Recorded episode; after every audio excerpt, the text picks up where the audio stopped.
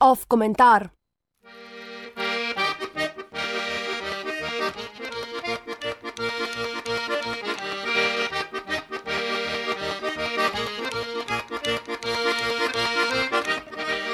Kdo v poznem kapitalizmu predstavlja idealnega delavca, plesalec sodobnega ali folklornega plesa?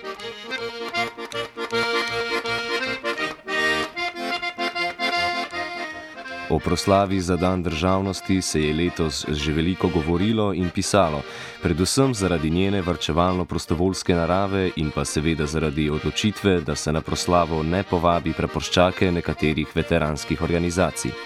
Seveda predvsem tistih, katerih simbol je zvezda. Manj je bilo govora o kulturnem programu proslave, ki je prav tako veliko pove o prirediteljih. Jrnej Kuntner, voditelj proslave, je ob uvodu v kulturni del proslave prebral naslednjo napisano mu besedilo. Ples je gib in je čutenje. Ne da se ga ujeti in nikoli se ne vrača na isto mesto.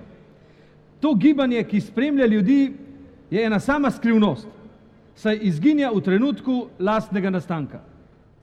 Zato so zgodbe plesne preteklosti v celoti neponovljive. Poznamo le še njihove fragmente. Kljub temu jih danes moramo povedati. Tako v preteklosti, kot v prihodnosti smo jih in jih bomo pripovedovali znova in znova. Te plesne zgodbe niso zgodbe ljudi, ki bi jih govorili iz sive davnine, ampak so zgodbe nas. Potrebujemo jih mi, zdaj in tukaj. Zato jih pripovedujemo sami sebi. Nocoj vam predstavljamo našo preteklost, sedanjost in prihodnost. Naj živi slovenska pesem!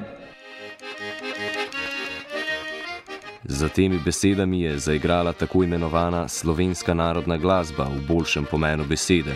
In na njene melodije so člani folklorne skupine Dragatuš zaplesali tradicionalne plese iz Bele krajine. Sledile so še druge folklorne skupine iz različnih delov Slovenije. Osrednji del proslave je bila predstavitev slovenske glasbene in gibalne preteklosti.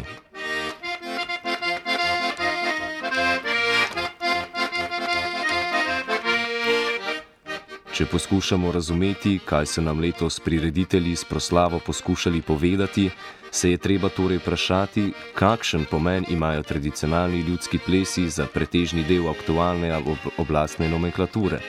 Kaj je tisto na njih, kar tako fascinira sedanjo oblast, ki je kmalo po ustanovitvi ukinila ravno dobro ustanovljen center sodobnih plesnih umetnosti? Kaj je torej tisto, zaradi česar je tako imenovani ljudski ples dobil mesto na osrednji državni poslavi, medtem ko sodobne gibalne prakse niso niti zaželene, da obstajajo?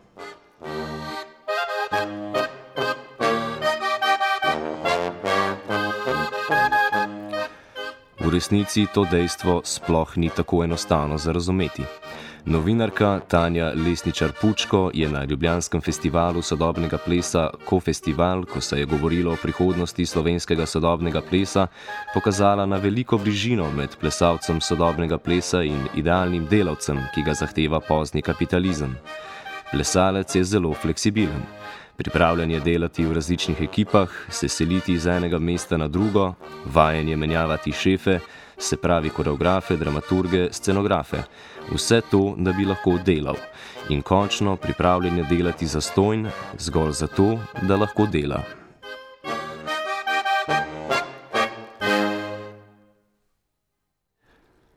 Na drugi strani imamo plesalca v folklorni skupini, ki je vse drugo od tega, kar od delavca zahtevajo dan današnji trgi zaposlitve. Plesalec v folklorni skupini se praviloma ne seli, kajti način gibanja je vezan na točno določeno okolje in se z njim ponavadi tudi identificira. Vajen je dolga leta plesati v isti skupini, kar pomeni, da se ravno pogosto ne menja niti vodja skupine. In ne nazadnje, čeprav naj bi bila proslava dokaz nasprotnega, ni pripravljen delati brezplačno.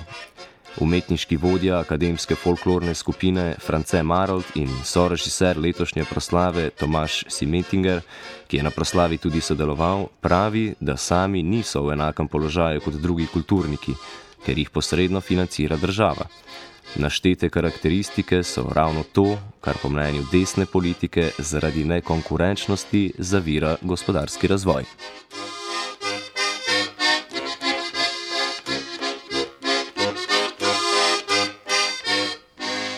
Če se je torej plesalec sodobnega plesa z vso svojo fleksibilnostjo pripravljen odpovedati v dobju ustaljene forme in stalne službe, potem lahko za folklorista rečemo, da si želi rednost nesprejemljivega.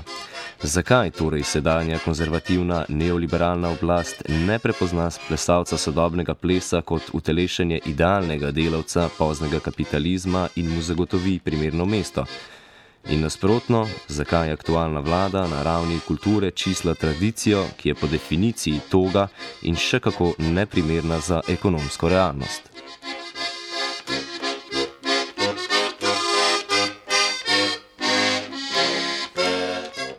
Ena od možnosti razlage je ta, da neoliberalni konzervativci sicer z vso silo podlegajo prisilam poznega kapitalizma, pri čemer je fleksibilen trg delovne sile nekaj, kar mu neizogibno pritiče. Po drugi strani pa niso pripravljeni sprejeti vseh konsekvenc, ki jih prekarnost prinaša, zato mora učinke blažiti z neko preteklo enotnostjo in ustaljenostjo, ki pa je seveda popolnoma iluzorna. In to že na ravni samega folklornega plesa. Tomaš Simentinger pravi, da avtentike v ljudskih plesih ni in da je niti ni mogoče pa ustvariti.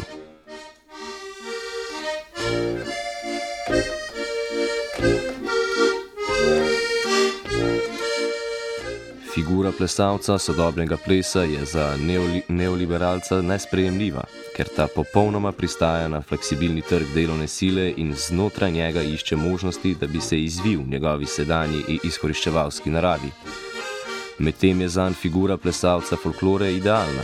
Tudi ta bo moral slej kot prej sprejeti turbulentnost zaposlitve, drugega mu ne preostane, vendar slednji poskuša izven aktualnosti iskati tisto malo miru, ki mu ga lahko nudi preteklo harmonično stanje. Tako na eni strani pristaja na neizbežno krutost sistema, na drugi pa ga pomirja namišljena skupna lepa preteklost.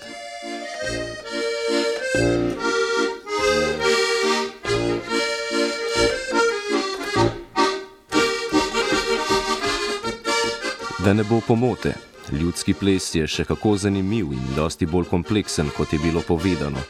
Vendar na državni proslavi, za katero stoji Slovenska demokratska stranka, dobi nek politični pomen, ki ga ni za zanemariti.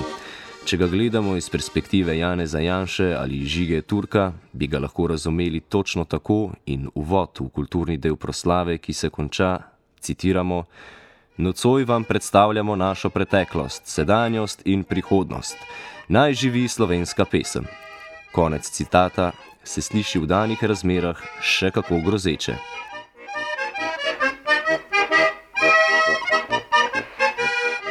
Komentar je spisal Gregor Kuhar.